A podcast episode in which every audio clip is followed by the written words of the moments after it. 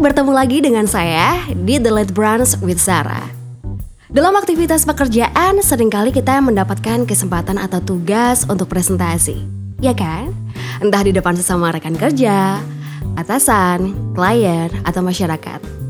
Tapi sebenarnya presentasi itu apa sih?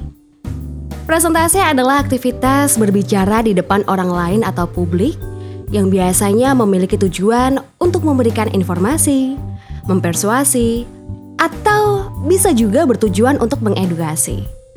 Sering nggak melihat orang presentasi bertele-tele, terlalu lama, udah gitu materi powerpointnya nggak kebaca? Buat kamu yang sering presentasi, yuk kita pelajari basic rules presentasi efektif menurut Guy Kawasaki. Guy Kawasaki adalah seorang speaker dan juga entrepreneur yang mengenalkan rules 10, 20, 30 atau 10, 20, 30 sebagai dasar presentasi yang efektif. Nah, seperti apa sih rumus dari 10, 20, 30 untuk presentasi yang efektif ini? 10 di sini adalah jumlah maksimal slide presentasi kita. Kalau kita memakai PowerPoint, maka tulislah hanya poin-poin yang memiliki power. Tidak perlu memindahkan seluruh isi buku pada slide yang nantinya justru tidak akan dibaca oleh audiens. Jadi tulislah saja hanya pada poin-poin penting dari materi yang kita sampaikan.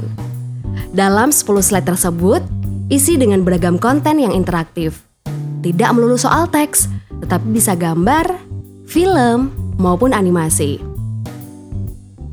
Selanjutnya, untuk rules 20 alias 20 adalah lama durasi presentasi yang sebaiknya adalah maksimal 20 menit Kemampuan konsentrasi audiens itu terbatas.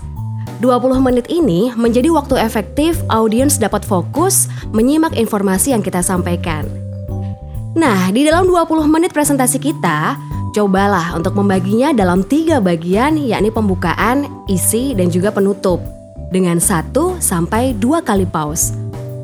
Pause ini adalah jeda sejenak untuk memberikan kesempatan presenter beristirahat dalam beberapa detik sekaligus menarik perhatian audiens agar kembali pada presentasi kita. Nah, aturan yang ketiga yaitu 30.